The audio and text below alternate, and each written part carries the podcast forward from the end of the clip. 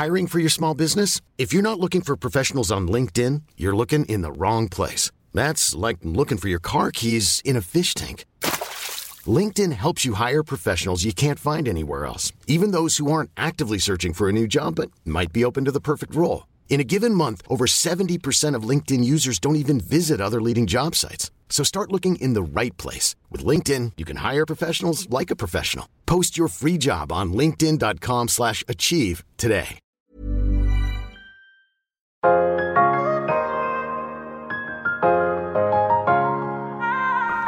På grund av den här värmen så får du ingen jävla mat, höll jag på att säga. Nej, men jag bjuder dig på en lemonad. Fast jag kallar det limonad. Lemonade, jag vet inte. Nej, men Den det, är så fin. det är en lemonad med bas av lime. Man kan ju tro att det är lite samma när man tänker citron och lime, men det är det inte. Det, det skiljer sig rätt mycket i, i smaken, även om syran är den gemensamma nämnaren i, i dem. Och sen har jag smaksatt den med syrener och lite timjan. Alltså den är så fin. Det, vet du vad det roliga är? När jag ser de här syrenerna så tänker jag på när jag var liten. För där jag bodde så fanns det mycket eh, syrener och då brukade vi plocka bort blomman och sen suga så att det kom ut honung. Exakt. Ja, det är så här härligt barndomsminne. För mig är, är syrener alltid när man gick, när man hade skolavslutning där i början av juni. När man gick till skolan, då var det det som doftade. Då visste man okej, summer starts now. Ja. Det är verkligen syrener för mig, skolavslutning. Det var sånt som man också gav till sin mamma på mors dag. Alltså, Jag med, jag hade inte råd att köpa någonting. Så jag brukade plocka buketter med syrener som vi brukade ge till henne. jag eh, tjuvstartade. Vadå? jag tog en klunk. Alltså jag tycker den här, eh, jag kallar det för drink. Ja. För det är så fint upplagt. Eh, Alltså det är så himla fina färger med det här eh, lite gula och det lila från blommorna. Alltså man känner bara, Summer, summer, ja, summer. verkligen. Tack, det här var jättebra. Visst, Ja, och bara... jag promenerade ju hemifrån hit och det är typ sex kilometer. Mm. Så det här var liksom perfekt. Min verklighet ser annorlunda ut. Ja, Fem men- minuter in i taxin. Nej men det här, det här var perfekt.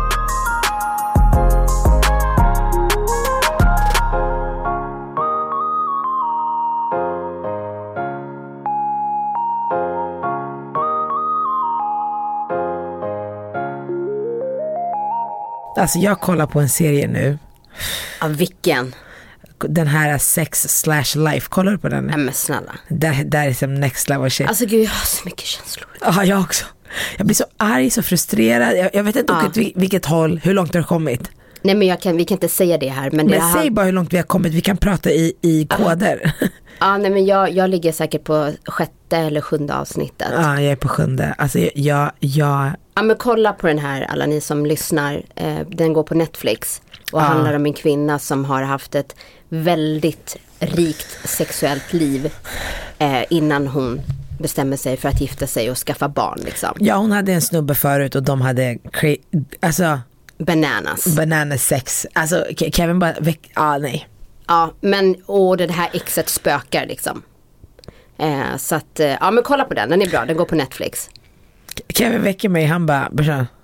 Jag bara, han bara, vad är det här? För jag satt ju på och så somnade jag typ de två första avsnitten. Ja. Han bara, lyssna, du kan inte sätta på det här och sen tro att du ska sova. Nej. Wakey wakey.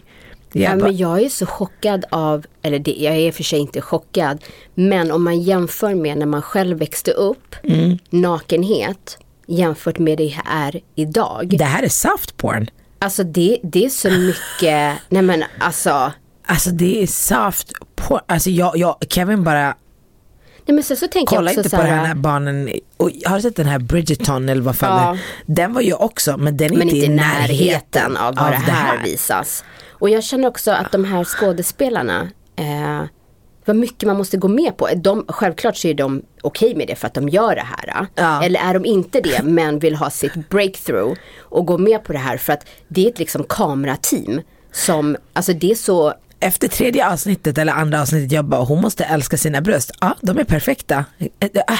Ja, nej alltså wow. Det, det är liksom inte som när man växte upp. Alltså det här är det, det visas allting. den, alltså den här serien, om man bortser från allt sex, alltså i handlingar, allting, man är bara, jag vet inte vart jag står. Ja, jag vet alltid var jag står.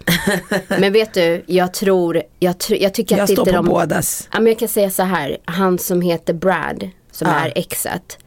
Jag tycker inte att det var en bra casting där. Jag tycker att de skulle tagit någon som så här Bradley Cooper eller, alltså då tror jag att jag hade varit team mer åt det hållet kanske. eller jag vet inte, men jag tycker inte han, eh, Men jag blir jättearg på hennes man. aha, det, det blev inte jag. Jag, Men jag, vi behöver inte säga, för Jo. vi kommer säga för mycket. Nej men för jag tycker han pussy out.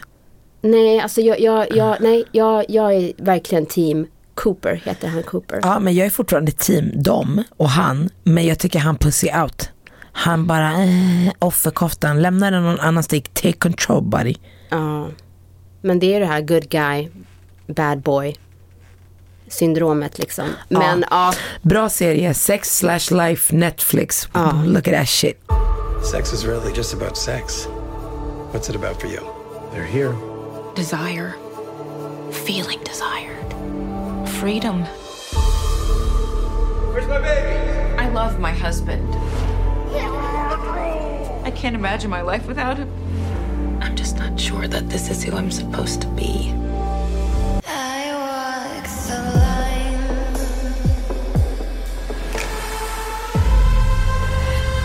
Och jag kollar ju på en annan också så här, reality, too hot to handle, har du sett den? Nej. Ja, det här är ju andra säsongen. Eh, men det, det går ut på att de samlar ihop ett gäng människor som är väldigt sexuella. De säger ju inte vad programmet ska gå ut på. Utan de säger ju liksom bara så här eh, party paradise, du vet. Okej. Ja, så de ska åka till en ö, de ska bo i ett hus, det är så här snygga singlar som ska, bara ska få göra vad de vill på den här ön i det här huset. I en månad ska de vara där. Och sen när de kommer dit, alltså det är så, det enda de tänker på är ligga. Alltså det, det, det finns inget spel ens, utan det är bara du och jag, alltså det är all over the place. Och sen så kommer den här nyheten. For those of you who need reminding, there is to be no kissing, no heavy petting, and no sex. Yo, we are too hot to handle! Please forgive us, Lana. Det här programmet går ut på att de inte får vara intima.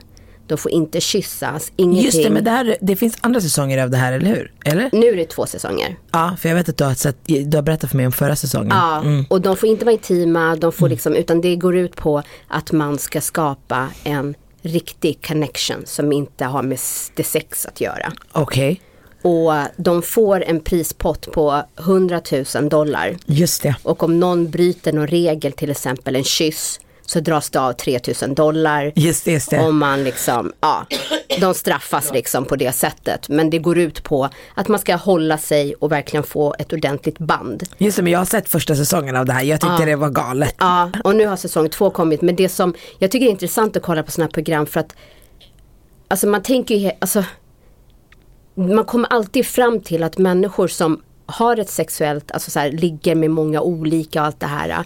När de väl eh, börjar prata om varför de gör det, för de har ju så olika aktiviteter, de får sitta med en psykolog som gör olika eh, uppgifter tillsammans och sånt. Då slutar det alltid med att en person har, alltså det kan vara från barndomen, att ens pappa lämnade en, och man inte litar på män, att man har blivit sårad tidigare och att man då har byggt, byggt upp en mur, att man hellre lämnar än att bli lämnad. Alltså så här, det är brutna människor. Förstår du? Eh, så det är intressant i det, Jag tycker det är så tragiskt. Jag tycker det är så Det är tragiskt att man inte bara kan vara supersexuell och bara this is what I love. Att det hela tiden finns en destruktivitet i det. ja. Ja, men det finns säkert människor som, som har hela det där, att man mår bra och gör det för rätt anledningar. Det är inte ofta man, man möter dem. Nej, eller, det- eller det är det- inte ofta de exponeras eller lyfts upp. Ja, men det känns som att det är, ett, det är på ett djupare plan varför man Så, beter sig så som om man gör. du är en människa som lyssnar på det här och bara like fucking, please share with us. Nej, men jag kollade på ett, något annat också fast där var det så här, människor som var i en relation som skulle bo i ett hus och där skulle de ha en så psykolog, de skulle göra massa saker. Och där var det också så att man skulle gå tillbaks till när man växte upp och hur det var. Och det var så tragiskt för att det var typ nio par. Så det Okej. är 18 personer. Ja. Och det var ingen som hade en bra uppväxt. Ingen. Det var verkligen från trasiga familjer. Och det är så hemskt att se hur det följer med en i det vuxna livet och hur destruktiv man är. Alltså, jag, jag tycker det är så mycket sånt nu för tiden. Ah, min uppväxt, ah, min uppväxt, ah, min... Jag bara, alltså, va?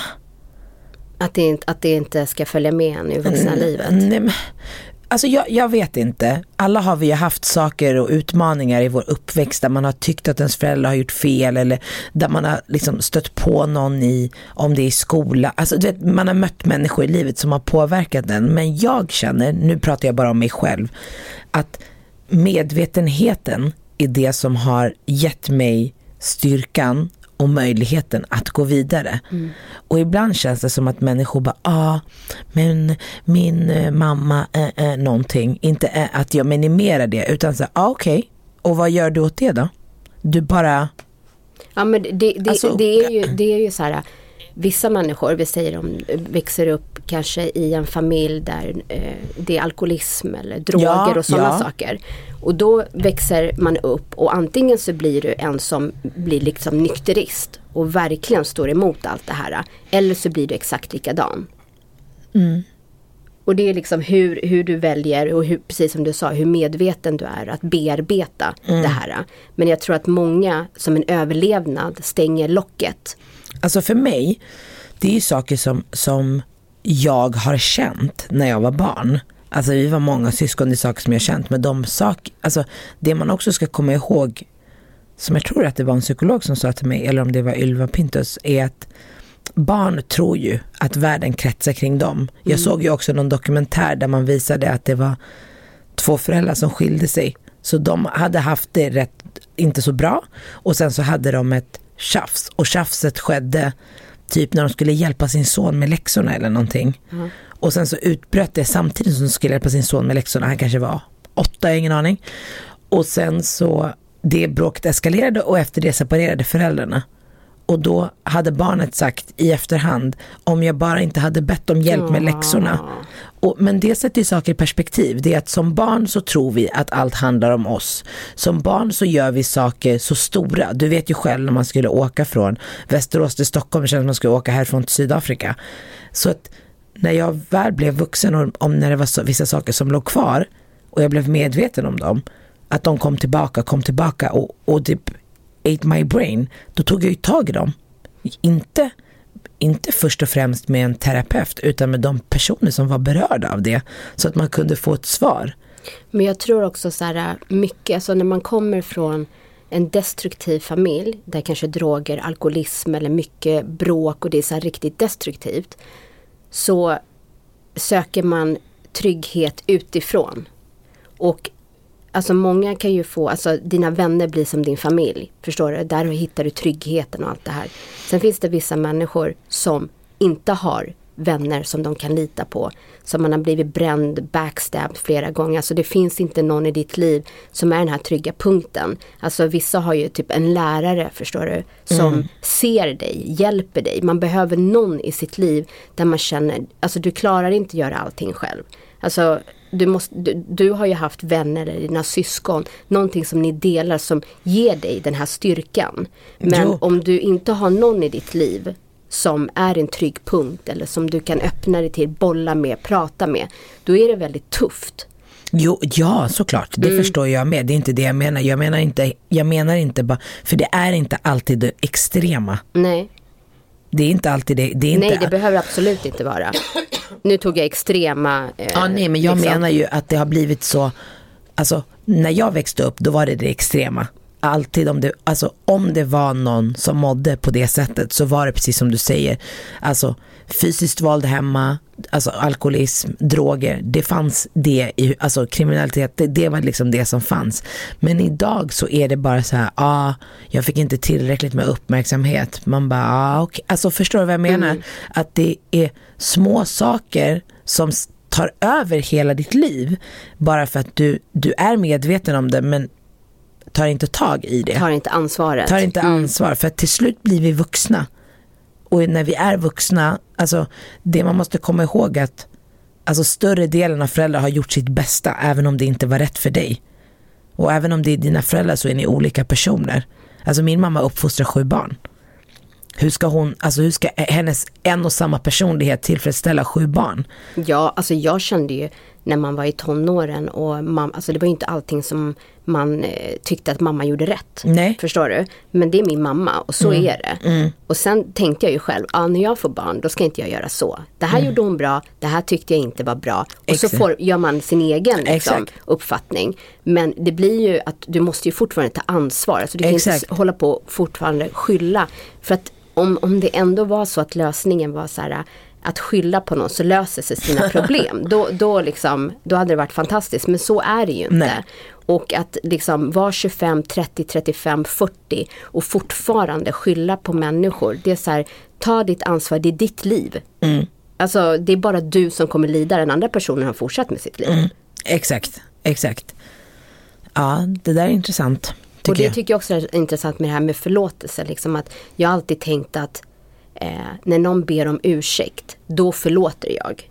Alltså Mm. visst, du kan ju fortfarande säga nej jag förlåter inte dig. Men jag har aldrig tänkt på att du kan förlåta utan att personen kommer och ber om ursäkt. För att du ska kunna släppa det Ja. så måste du förlåta personen. Det har egentligen inte med att personen kommer till dig och ber om ursäkt. Nej. För det kanske aldrig kommer. Men du vill liksom inte gå runt och vara arg eller känna den här besvikelsen. Nej, och det tror jag att har att göra med att, alltså förståelse. Jag pratade med någon om det i veckan faktiskt. Jag var på en AV och så pratade vi om en person och så var jag så här, men den hade gjort lite saker, så, men den här personen mår inte bra. Och ibland, Precis. ibland handlar det inte om, även om du är den som drabbas så handlar det inte om dig. Du bara, Men jag har en person som i alla år, alltså sedan jag fick barn, har pratat illa om mig. Men jag vet hur hennes familjesituation och hennes äktenskap ser ut. Så jag har verkligen inget agg mot Nej. henne. För jag förstår henne. Alltså det handlar inte om mig. nej. Och det är så skönt att komma till den punkten där du får höra saker eller skvall eller rykten och det berör inte ens dig. Det är så här, vet du vad, jag bjuder på den. Nej men och det som vi har pratat om, så här, jag har ju inte växt upp med min biologiska pappa. Min mamma var ju ensamstående med sex barn. Och skulle jag, alltså jag har ju vänner som säger, ja min pappa inte funnits där, han alltså så. Och för mig är det, jag väljer att titta på det som jag har Exakt. istället för vad jag inte har. Jag har en mamma som var 24 har älskat mig och gett mig allt på bästa sätt som hon kan ge mig allt. Varför skulle det skulle kännas respektlöst mot det som hon har, inte offrat men du fattar vad jag menar. Att, att gråta för vad som inte finns. Det är som vi har pratat om i vänskapsrelationer. Man har relationer, man växer i sitt, i sitt liv och så tappar man vänner. Att sitta och, det är klart att man kan sörja sina vänner men there's a timeline for that. För till slut blir det så här, okej men du är inte, du tycker inte att vår relation är bra eller för de vänner som du faktiskt har kvar. Det är precis som att sörja sitt ex med sin nya partner. Alltså man måste se vad man har framför sig och vara tacksam. Och jag tror att det är det vi glömmer. Jag tror att jag i någon podd också pratade om det när jag pratade om det här med förlusten av min son. Att man, jag tänkte så mycket på det när jag förlorade Marvin att det var så här, att vara ledsen och att sörja, det ska man göra kort. Det ska vara, nej det är okej att göra det jätte, jättelänge. Det är så här äh, två år, bara, äh, det är helt okej. Att, att, att sörja eller må dåligt över hemska saker som har hänt. Men att vara lycklig, du vet ju själv, ja, är ni fortfarande nyförälskade? Ja, ni är den här baby, baby boom bubblan. Man bara, men varför måste vi gå ur den här happiness som vi är i? För att vadå, det finns en missunnsamhet eller pettiness. Va, varför får vi inte och varför tillåter vi inte oss själva att vara lyckliga längre? Men, och varför är det inte okej? Ja, jag tycker att det är okej. Ja, ja, men jag vet. Jag, jag tycker att det är fantastiskt. Jag vill Ja. bara omringa mig runt människor som är lyckliga och sprider positiv energi. Och det, det, det är jag jättetacksam för de människorna som jag har. Ja, i nej, jag, jag Ja. menar inte att du är så, jag Ja. bara menar in general så Ja, nej. är det ju så. Ja, jag, jag, jag tycker det är jättekonstigt. Jag beundrar människor som, som dig eller liksom som hon eh, Magdalena Graf tror jag det var. Som, Förlorade, ja. Exakt, att, att människor fortsätter, alltså det är alltid en sorg. Mm. Men att man lär sig att leva med det. Det tycker jag är en enorm styrka. Det beundrar jag verkligen. En människor som bara, hur kan hon vara ute och göra det här? Hon har förlorat sin son. Så här, jag, jag tycker det är jättehemskt att människor ens beter Alltså, nej. Nej. Det, det, är, det är konstigt det där. Alltså sen, men det enda man kan göra är att ansvara för sitt eget förhållningssätt och sen stå för det. Jag känner så här, ju mer situationer och andra människor, olikheterna ger ju dig så mycket erfarenhet och andra perspektiv. Om du växer upp ute på landet liksom i en by med tio, nej men alltså så här hundra personer. Du har ju så lite erfarenheter av all, olika typer av människor. Och det är jag väldigt tacksam för att jag har lärt mig så mycket av andra, andra kulturer. Alltså det blir ju så när man är ute och reser. Man är öppen på ett helt annat sätt. Det var som när jag, alltså det är ganska hemskt ändå men eh, på vägen hit så stannade jag och köpte kaffe. Eh, och då är det en söt dam som har det här kaféet. Och nu har hon anställt en ny tjej som jobbar där. Så mörk eh, kvinna med slöja. Just det, med slöja. Ja. Ja. Och jag, jag blev så här, jag blev så glad. Såg du inte henne där förra veckan? Nej. nej. Eh, nej men jag blev så himla glad. Och sen i samma sekund tänkte jag så här, vad tragiskt. Att jag ska bli, att det ska väcka sådana känslor med mig. Mm, att det vet. blir så här, åh, En tacksamhet. ja. För det tycker jag beskrev kvinnan som har kaféet. Hur öppen hon är till andra kulturer. Jag vet. Jag har tänkt på det. Jag jobbar ju med Godare och har ett eget tv-program där. Skål för den. Skål jag tar en klunk här. Godare. Vilken kanal. Va? Men och då släppte ju de sitt första magasin nu. Eh, De har inte haft det förut. And De, who was on the cover of that shit? jo men jag vet, det var dit jag skulle komma. Men inte för att skryta utan för att när jag själv det är en sak när man går förbi och så ser man någon, alltså man tittar på the, co- alltså de olika omslagen. Ibland senare, på senare tid mycket mer stannar jag upp och reflekterar över hur det faktiskt verkligheten ser ut när det kommer till det. Men när jag, när jag står och tittar nu, när man själv är där, så tittar man på sin egen och sen så går ögonen så här och man bara, ja okej, det är bara en som ser ut som mig och det är jag. Det finns ingen annan. Sen är det bara, alltså en blond och det är inget fel, men det är inte ens en brunett. Förstår du? Och, och då, och de som jag jobbar med på Godare, de är fantastiska. Det har jag känt hela tiden att det är väldigt fördoms, alltså det finns inte, inga fördomar, en öppenhet, ett nästan sug efter kultur och olikhet. Det första samtalet jag hade med dem var så bara, det enda viktiga för oss det är att du är dig själv. Kom med t-shirt och jeans om det är det du har på dig, annars var inte någon annan, vi vill få fram din personlighet. Och det är verkligen genomsyrar, men, men det är som du säger, då ska man vara tacksam för att man möter en sån person och tycka wow, istället för att det ska liksom bara, Och då är det ändå 2021.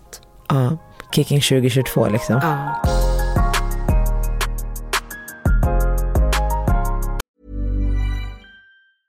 I'm Sandra, and I'm just the professional your small business was looking for. But you didn't hire me because you didn't use LinkedIn jobs. LinkedIn has professionals you can't find anywhere else, including those who aren't actively looking for a new job but might be open to the perfect role, like me.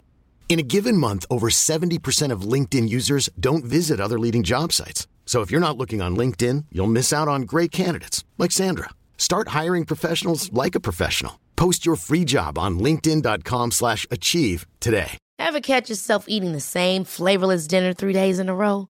Dreaming of something better? Well, HelloFresh is your guilt-free dream come true, baby. It's me, Kiki Palmer. Let's wake up those taste buds with hot, juicy pecan-crusted chicken or garlic butter shrimp scampi. Mm. Hello Fresh. Stop dreaming of all the delicious possibilities and dig in at HelloFresh.com. Let's get this dinner party started.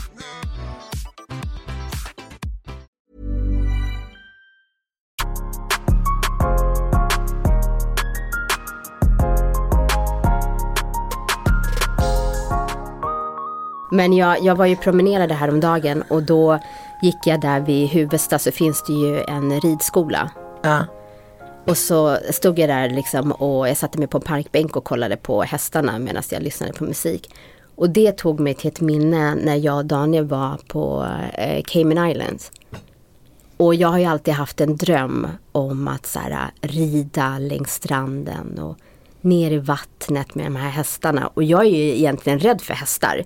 Men jag kan liksom inte släppa den här visionen. Så när vi var på Cayman så hade de en sån utflykt och jag bara det här måste vi göra. Och Daniel bara, ah, vill du verkligen göra det här? Är det här verkligen din dröm? För att han vet ju också att jag är rädd för hästar. Jag bara, ja, ja, 100 procent, jag vill göra det här. Så vi åker dit, kommer till det här ridstallet liksom. Och så säger jag så här, ja men ge mig den snällaste hästen. Okej, okay? jag vill inte ha någon som flippar eller någonting. De bara, absolut. Så får jag kliva upp på sådana här äh, trästege typ för att komma upp på hästen. Och sen så ska han gå till Daniel för att hjälpa Daniel. Då börjar den här hästen trava iväg. Den börjar gå. Jag bara, excuse me. Jag har alltså, fått panik. Ja, nej, men jag fick panik. För han gick iväg och lämnade mig själv. Och jag vet ju också, de brukar säga så här, djur känner av när du är rädd. Ja. Förstår du? Så nu är jag i fokus på att få den här hästen att känna jag är inte rädd, vi är vänner, det här kommer gå jättebra. Förstår du? Samtidigt som jag är så här, excuse me. Jag vill, alltså du vet så här, jag vill inte att hans hästar ska känna av min energi. Excuse me, can you come back real quick? I'm very scared. Jag, du vet, jag försöker prata med en ton som är så här, ja, allt är svinbra. Och sen så började vi rida. Mm. Och han, han, guiden är eh, först. Och sen så håller han min häst i ett rep. Så jag är bakom och sen är det Daniel. Okej. Okay? Eh, så vi rider och jag kan verkligen inte slappna av. Man sitter inte i sån här ridsäte heller, man sitter bara direkt på the horseback eller hur? Nej, en sadel. Du sitter, sitter i en sadel. sadel. Okay. Ja, ja, absolut.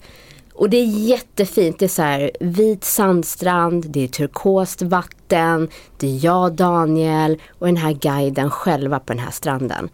Men jag kan inte slappna av. Vad var du rädd för? Att den ska skena? Ja, precis. För att den här hästen trycker ner sitt huvud Förstår du? I sanden. Så att det blir att jag liksom åker fram och bak. Och du vet, jag bara, alltså jag, pallar inte. Jag bara, jag vill bara sitta bakom guiden. Förstår du? Jag vill inte ha en egen häst.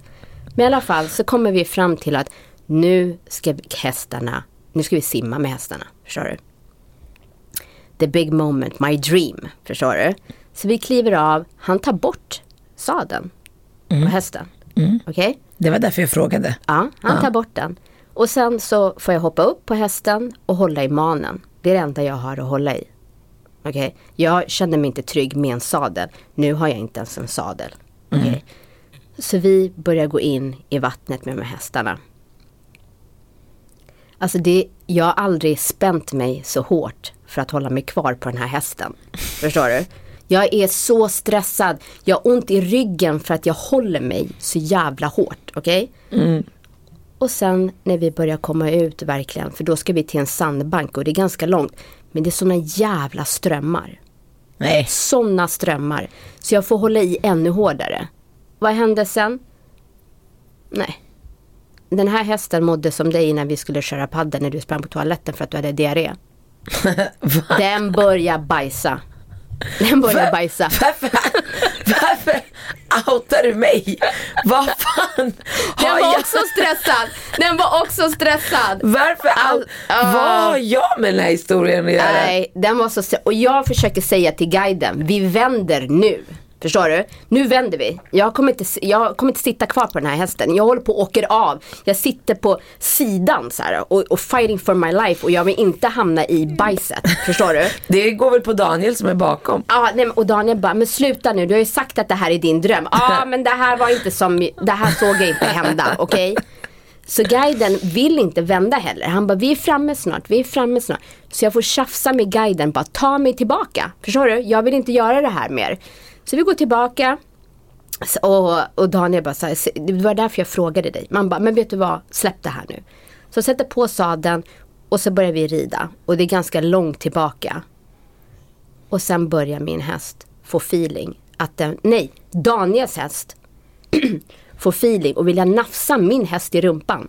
Jag blir sugen på bajs. Nej men alltså den, den stegra, alltså nej jag tror inte du förstår. Jag tror jag skulle dö Och det är kanske så här 20 minuter kvar, förstår du? Mm. Så jag bråkar med Daniel hela den här eh, turen tillbaka. Jag bara backa, din, backa med din häst, den är för nära min häst. alltså det var det enda jag, han bara men vad ska jag göra när min nafs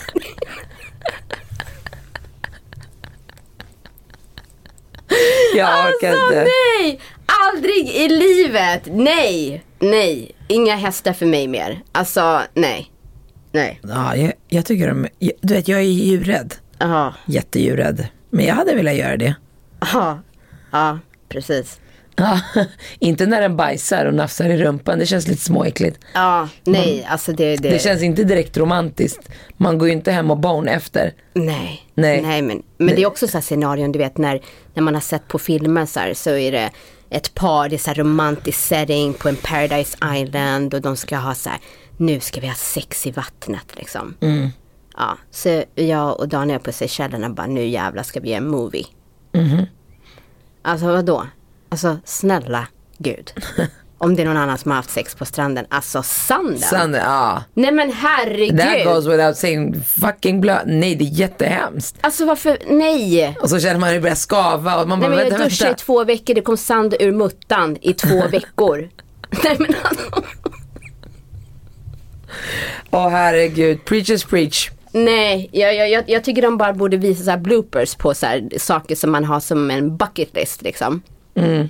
Att så här, nej det är bara på film, det är nice. Nej, det här ska ni inte göra. Don't do this at home.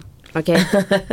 Nej, don't do this. Som, don't bring in sand from the outside and try to fuck on that shit. Nej, nej. Nej. Åh herregud.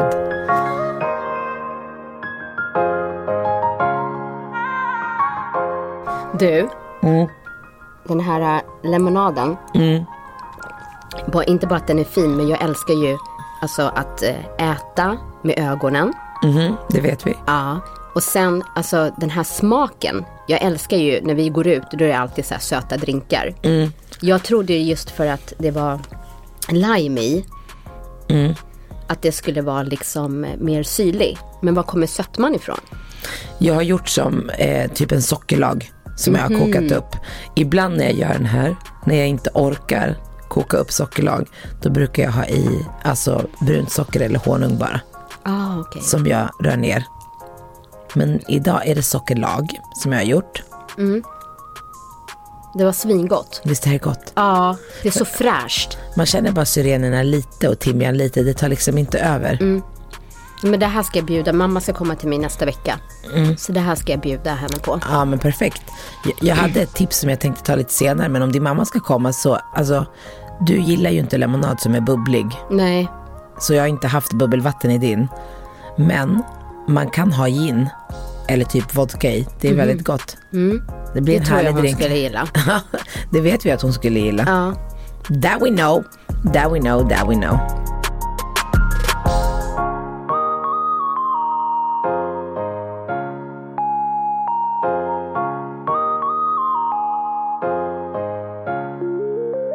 Jag var ju hos henne igår. Och då satt vi och kollade, hon älskar att kolla på så American Idol eller vad heter den där, American Got Talent. Mm, just det. Ja. Och då var det massa så här småbarn, alltså så som var typ nio, ena flickan var fem år. Men det var en asiatisk eh, tjej på nio år eh, som uppträdde. Och hon var, alltså gud, barns röster, alltså finns det något sötare? Nej. Alltså så himla söt. Eh, och så, så frågade de henne, vad heter du? Hon bara Celine. Och hennes syster heter Dion. Celine Mm. Dion. Herregud. Alltså jag dör och föräldrarna älskar Celine Dion. Alltså tänk dig hon Nej bara, det är för läskigt. Usch. Usch. hon bara I'm Celine and she's Dion, Celine Dion. And my parents love Celine Dion. Exakt och hon Nej skulle för sjunga, fan, hon skulle häng sjunga Celine Dion. Nej. Jo, alltså men hennes röst, alltså wow. Jag fick gåshud. Alltså, och du vet, det, det är, hon sjunger så vackert och man ser föräldrarna hur de gråter, till och med jag, liksom, som inte känner henne, men hur musik verkligen kan beröra en. Eh, och föräldrarna gråter liksom för att de tycker att hon är så himla fantastisk, vilket hon är och allt det här. Eh, och det fick mig att tänka så här, barn som har sådana otroliga talanger Alltså man vill ju, deras dröm, alltså hennes dröm är ju att stå på scen och bli lika stor som Céline Dion. Eh, och det fick mig att tänka på så här, vet, man gör ju allt för att sina barn ska uppnå sina drömmar. Men en sån bransch med det klimatet, eh, vet man egentligen var, vad man utsätter sitt barn för? Alltså jag har ju sett, så här, hört intervjuer där både skådespelare och artister säger så här, jag skulle aldrig låta mitt barn Eh, vara i den här branschen för att de vet vad som försiggår. Eh, och det är samma sak med, med våra barn, alltså de vill ju bli fotbollsproffs. Och jag vet ju liksom hur mycket engagemang och tid det tar. Alltså de, de lever ju inte som vanliga ungdomar som, alltså som jag gjorde. Att man säger, ja ah, men den här helgen kan jag gå ut. Alltså man, liksom, de går ju aldrig ut, alltså typ festar eller, alltså allting rör sig ju kring fotbollen. Eh, alltså det är träningar varje dag, på helgen när det är match. Alltså de, de lever det här, de drömmer det här. Alltså det är konstant.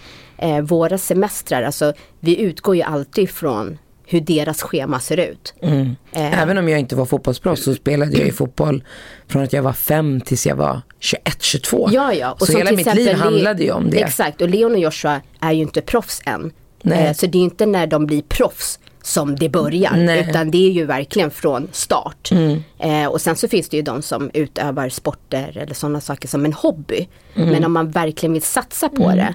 Så dina vänner är ju dina lagkamrater. Ja, alltså det, 100%. det, det är ju liksom allt, din kost, allting. Det är så mycket engagemang. Och då är det ingen, eh, då, då är det ju inte helt säkert att du ens kommer bli det. Förstår du? Nej, det finns inga garantier. Ja. Som, som förälder så stöttar man ju och man, man lägger ju ner så mycket tid, pengar, engagemang, alltså känslor. Jag vet att liksom när, när Bio skulle spela eh, Sankt Erikscupen final mot Brommapojkarna. Jag var ju så nervös att jag mådde illa. Att jag liksom, jag var så här, men jag, jag kommer inte gå och kolla på matchen. Alltså även nu när han ska möta typ så här AIK eller så här. Så jag bara, men jag, jag pallar inte kolla, jag pallar inte trycket, jag mår illa. Förstår liksom. du då när typ Loreen tävlade i Mello och Nej. gjorde Sveriges Mästerkock men Ja. mamma ville dö. Nej men jag tror Hon inte bara, att människor "Ni måste förstår. vinna." Ja, nej, men jag tror inte att människor förstår hur man mår. Alltså, Mm. det, alltså man lider och man gläds. Mm. Förstår du? Eh, för att man älskar dem så mycket och man verkligen vill att de ska nå sin dröm. Och jag, jag vet att jag pratade med en kompis, hennes, hon har två döttrar som tävlar i med hästar. Eh, Mm. Dressyr tror jag det heter. Men så pratade jag med henne om det här. Eh, och jag har inte, jag har ju inga vänner som har lika gamla barn, eller så li, att de är lika gamla som mina. Mm. Eller äldre. Så jag har liksom inte någon att bolla med på det sättet som kan förstå mig.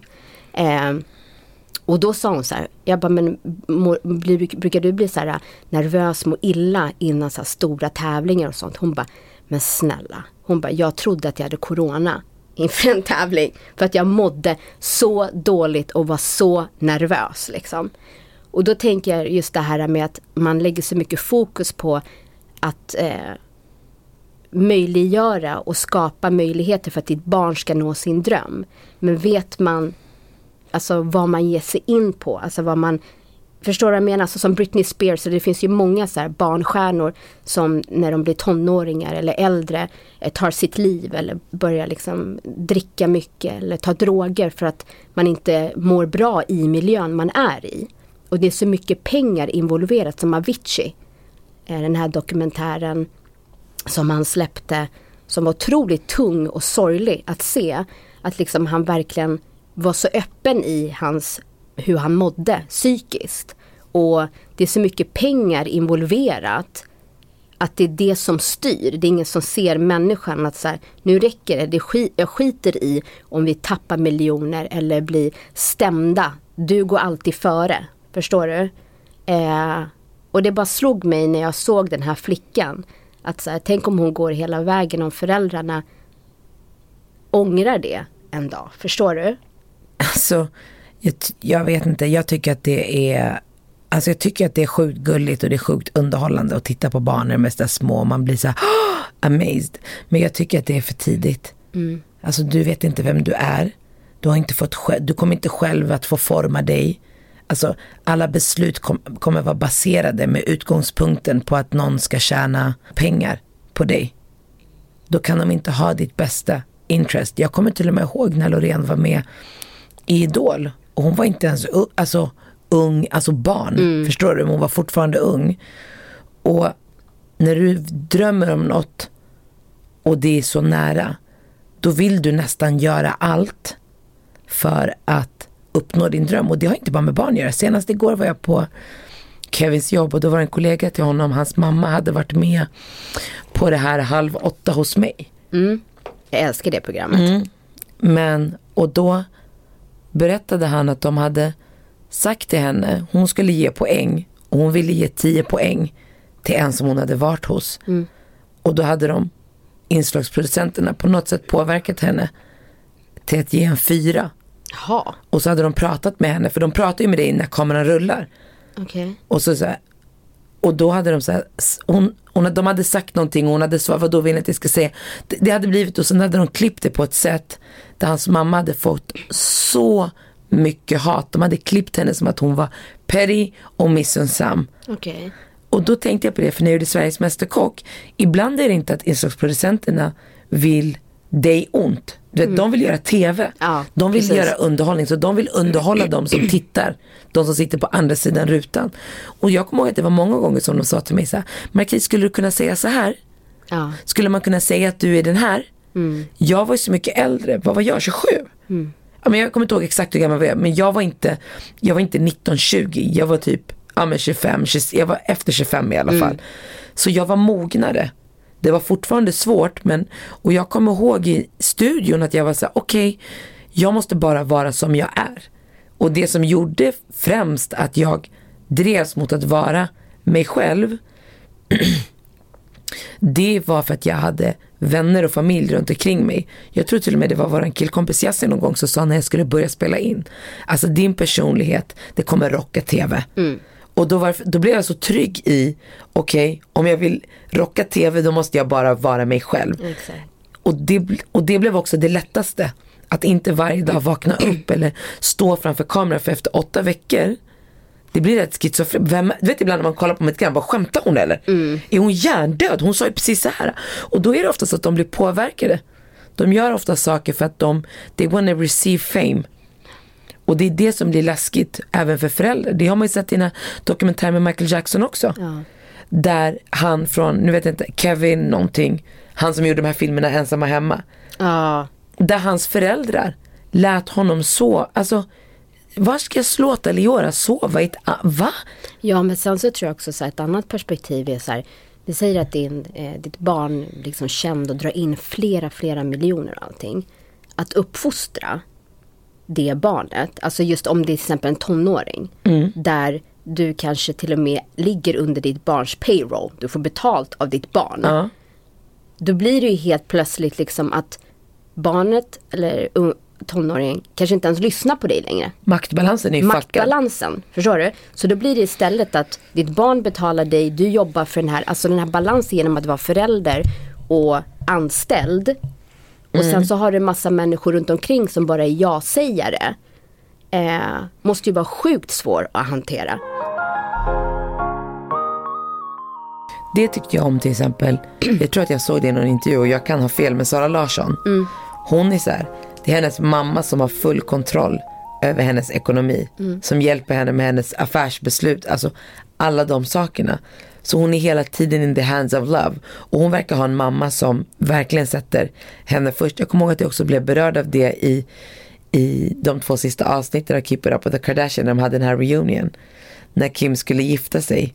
Och hennes mamma hade sagt med den här Chris Humphrey, hennes andra äktenskap. Och hennes mamma hade sagt till henne, hon hade sett på henne att det var något som inte klickade. Att, det var, att hon, inte, hon såg på hennes dotter att hon inte var där och inte lycklig. Och att det här var något som hon inte ville. Så hon hade bara sagt till henne, if you wanna leave, get the fuck out. I'm gonna fix the rest. Ja, sätt dig i bilen så löser jag allt det andra. Exakt. Ja. Och det, den bilden har inte jag haft av henne. Jag har haft av henne att hon gör vad som helst. Och så kanske det är. Men just den stunden och i den intervjun så kände jag verkligen att det var genuint. Vissa saker när de pratar om varandra och man bara lägg av. Men just det kände jag så här. Och när man tittar på de här barnen. Alltså de, de har ju varit, alltså om man tittar på Kendall och Kylie. De har ju varit i, de har varit kända innan de ens, ens visste vad, Ja. vad famous var. Men de verkar fortfarande trots alla operationer, vara extremt grundade människor. Ja. Men de har ju också varandra. Jo, alltså jag- alla är i samma bransch. Eh, och de är, har en mamma som är otroligt kunnig i branschen. De Mm. har alltid varandras rygg. Eh, det är ju också, Men om man tittar på säsong ett till vart de är nu. Alltså det är oftast pengar som påverkar och styr. Till exempel med han som hängde med Michael Jackson. Föräldrarna blev ju så tagna av det liv de aldrig hade trott att de skulle få leva. Ja, och det är den som oftast tar över där du till slut tappar fattningen och begreppet om du bränner din vän, du bränner din mamma. Alltså du säljer allt bara för att få maintain den här lifestyle. Och det tycker jag verkligen att de har lyckats med. Ja. Och det är det som har backfired till exempel på Britneys pappa. Han har ju bara Alltså, men det verkar det så som ju- det jag har lyssnat på. Då verkar det som att de inte har en bra relation. Nej. Och sen så har han liksom tagit över och sköter allting. Ja. Och inte har her best interest. Men det var väl så med Beyoncés pappa också?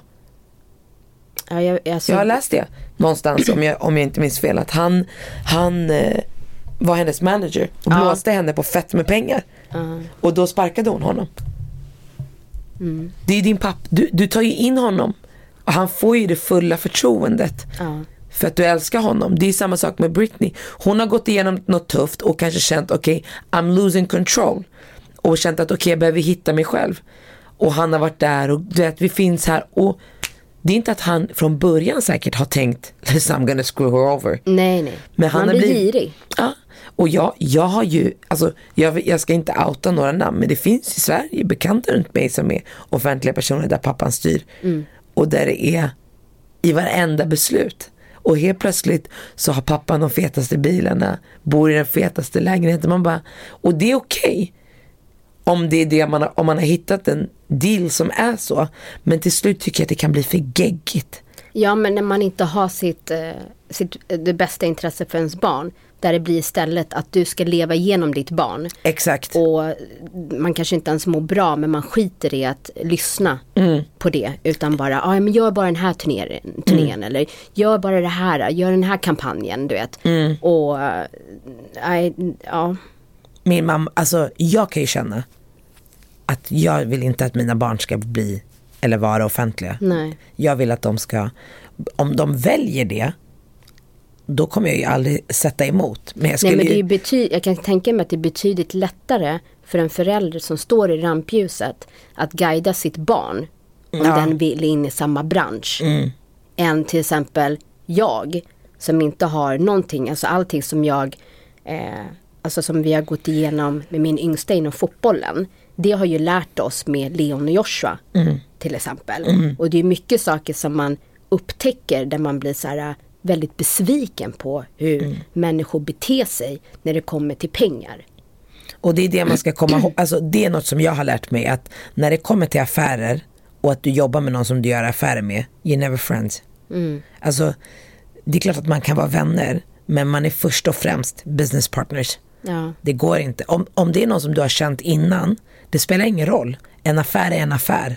Och om, om föräldrar kan åsidosätta sina barn för att ta pengar, då ska inte du tro att du lever i paradis eller är skyddad från det. För alltså, money is a curse. Mm.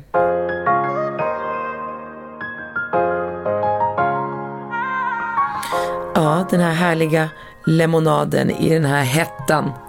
Alltså, jag längtar ju utomlands, men jag längtar ju utomlands för jag längtar efter miljön. Alltså doften av havet. Och, och nu när det är så här varmt och jag i mitt trapphus så är det ju sten, alltså marmor i Mm. hela. Och det är det ju i Marocko också och i Spanien. Många så varma länder har ju det för att det är så tåligt för värmen. Och det har alltid varit en speciell lukt när man går in till exempel hos min kusin där han bor eller min moster. Så nu när jag går hem och jag går in i trapphuset då är det exakt den doften. Man bara, Gud vad härligt. man njuter bara av det. Alltså jag känner inte ens stress att gå ut i solen. Det jag skulle vilja nu det är att vi ska gå och suppa.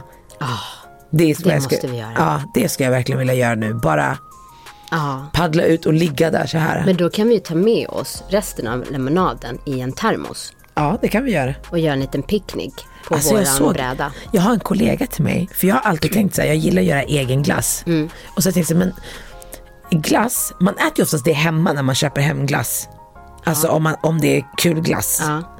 Och så var jag så här, hur, gör man? Jag vill ju ta med mig den. Om jag ska på picknick och det är så här varmt ute, då vill man ju ta med sig glassen. För du vad hon har gjort? Nej. Hon har gjort det i en termos.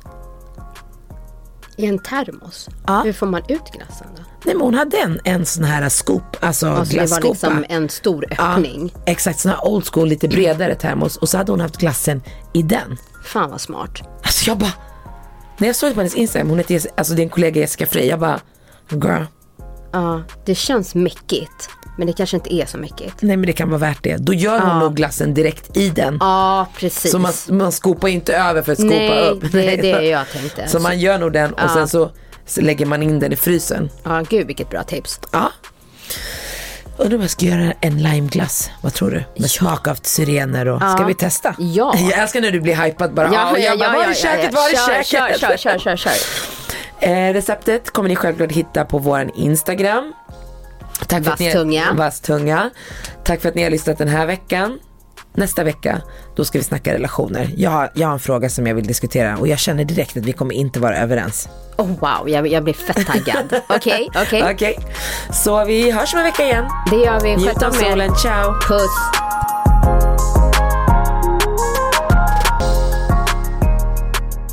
En podd från Allermedia.